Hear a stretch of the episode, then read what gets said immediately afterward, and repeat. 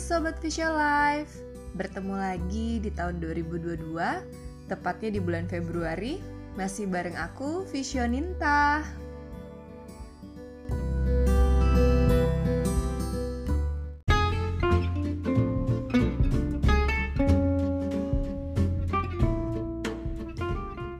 Episode kali ini aku mau cerita tentang memaafkan. Yang katanya di tahun yang lalu adalah tempat roller coasternya regulasi emosi kebanyakan orang. Apalagi di pandemi saat ini, naik turunnya perkembangan seseorang dari pekerjaan, bisnis, cinta, keluarga, bahkan dirinya sendiri.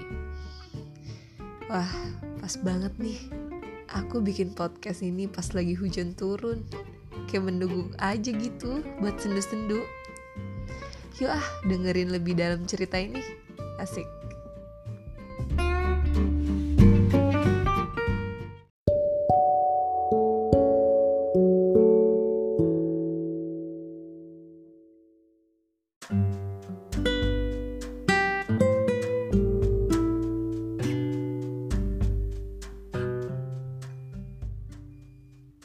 Ada hal sederhana yang sering kali kita kesulitan melakukan atau mengatasinya, yaitu memaafkan. Banyak orang mengaku sudah memaafkan, baik itu kesalahan diri sendiri, orang lain, ataupun kondisi lainnya. Tapi nyatanya masih ada trauma yang tersisa perasaan masih tidak nyaman, sesuatu yang membuat kita kembali mengingatnya. Mungkin salah satu contohnya ketika bertemu dengan orang yang membuat kita terluka. Hmm.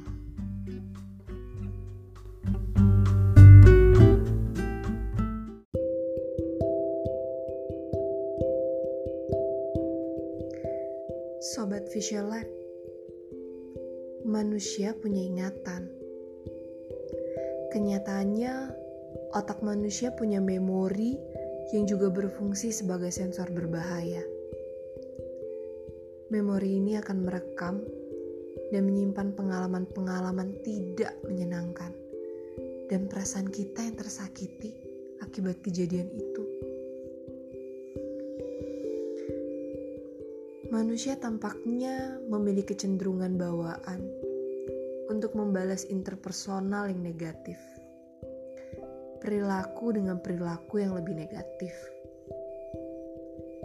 Ketika dihina oleh seorang teman, ditinggalkan oleh seorang kekasih, atau diserang oleh musuh. Kebanyakan orang termotivasi pada tingkat tertentu untuk menghindari atau membalas dendam terhadap hal tersebut.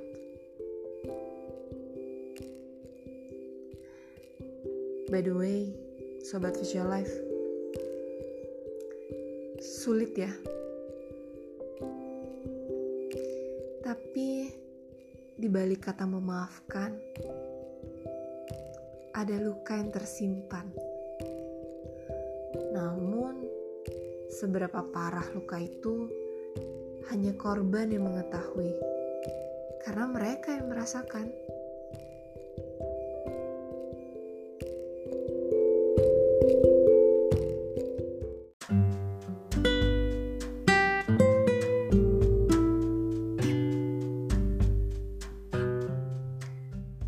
Lebih dari satu kali, atau bahkan berkali-kali, kita merasa kecil karena luka yang pernah kita miliki. Kalau bisa berharap, luka itu tidak pernah terjadi.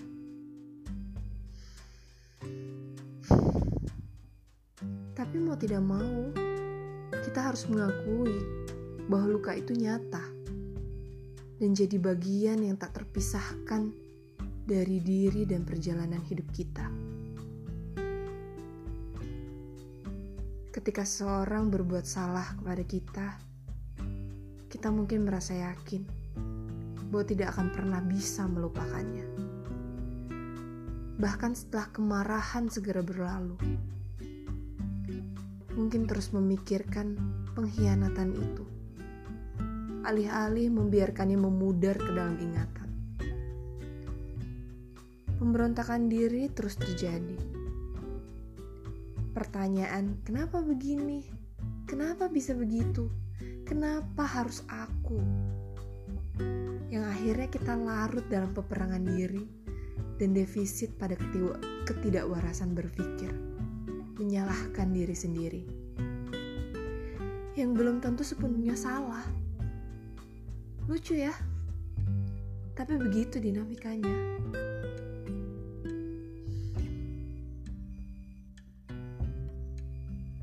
Mungkin menerima bahwa apa yang terjadi sekarang adalah masa lalu. Menyadari bahwa orang membuat kesalahan dan mulai memupuk belas kasih sebagai gantinya.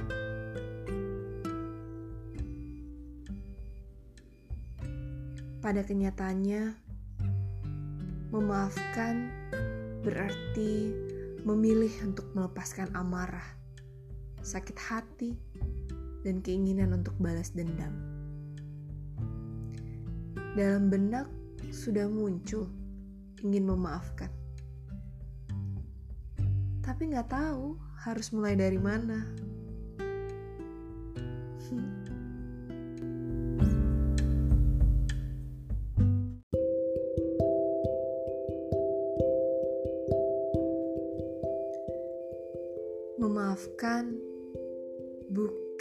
berarti melupakan, kecuali beberapa bentuk kondisi neurologis yang serius. Meskipun kita tidak dapat mengontrol ingatan apa yang melekat pada kita atau tidak, tapi kita dapat mengontrol perhatian kita. Secara khusus, kita dapat menggunakan kontrol atas seberapa banyak kita memilih untuk fokus dan merenungkan kesalahan masa lalu yang dilakukan terhadap kita.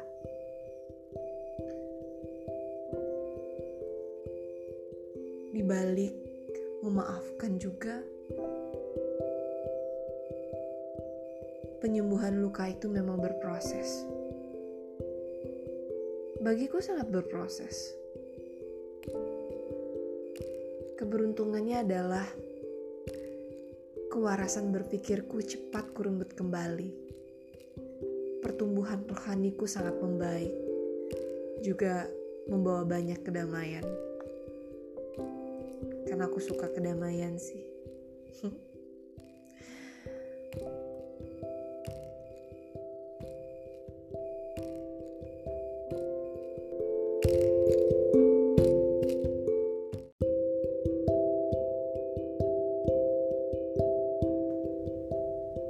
Sobat Visual Life Banyak sekali kata-kata mutiara yang berkaitan dengan memaafkan.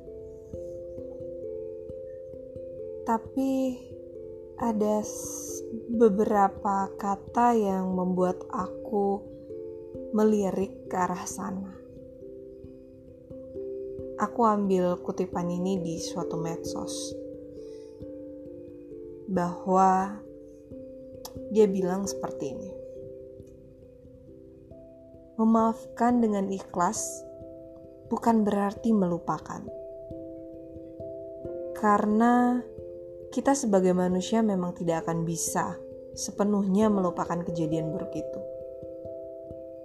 Memori menyimpannya untuk menjaga keselamatan kita untuk tidak terulang kembali. Memaafkan itu bukan berarti kita membenarkan perilaku orang tersebut bukan kita mengizinkan diri kita untuk terus disakiti oleh hal yang sama. Bukan berarti kita mau kembali ke hubungan seperti sedia kala. Dan bukan berarti kita mengizinkan dia untuk kembali ke kehidupan kita. Tapi untuk membuat rasa sakit berkurang perlahan-lahan membuat kegondokan di hati tidak meledak-ledak, dan hari-hari akan jadi ringan.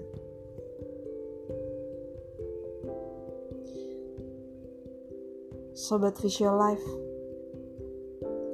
silaturahmi itu bukan terputus. Dia akan selalu ada, tapi dengan cara yang berbeda. Ya, dengan cara yang berbeda. Tapi dia akan tetap tersalurkan.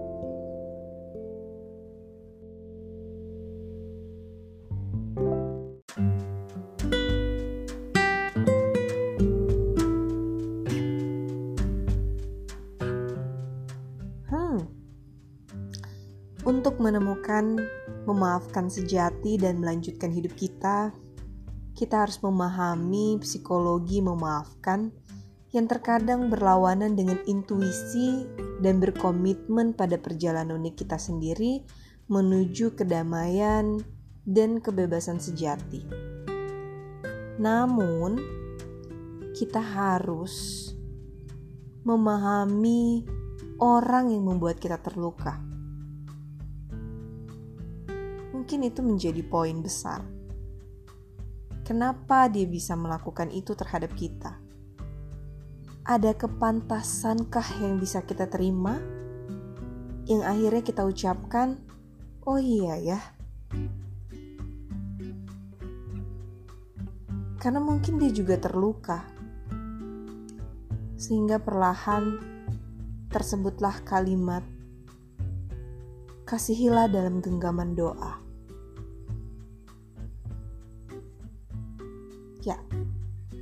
Dengan doa.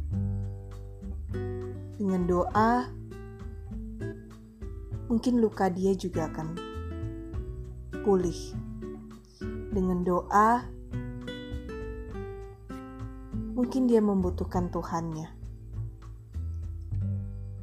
Dengan doa, mungkin dia berubah menjadi pribadi yang lebih baik.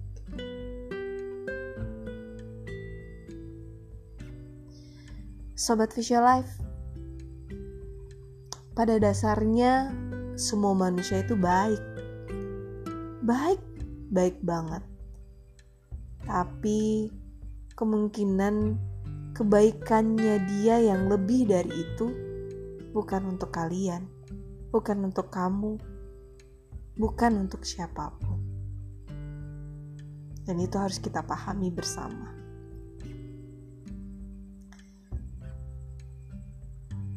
Dan aku berharap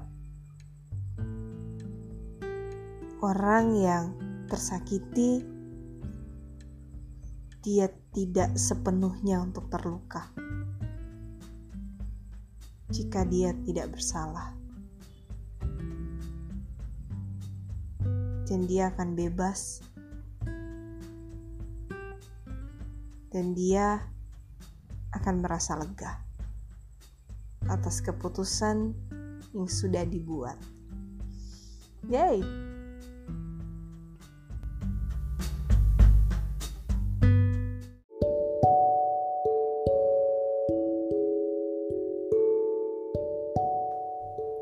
Yeay!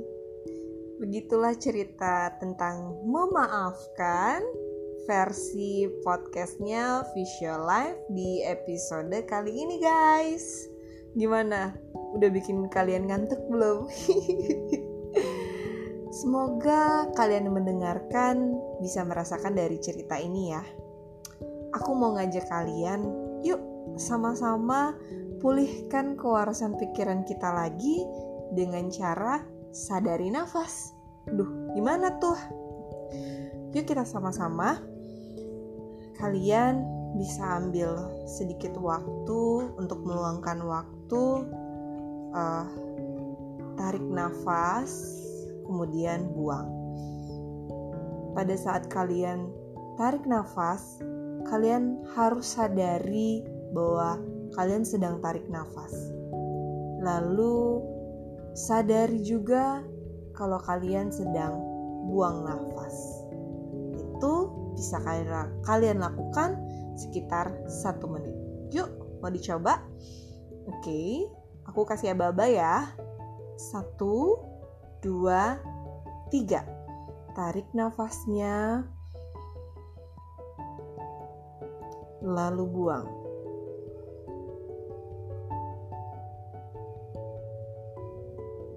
Tarik nafas lagi. Lalu buang. Satu kali lagi, tarik nafasnya. Lalu buang perlahan.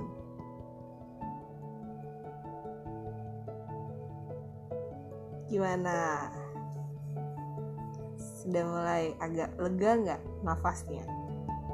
Oke deh, Sobat Visual Life. Sampai ketemu di episode selanjutnya. Bye-bye.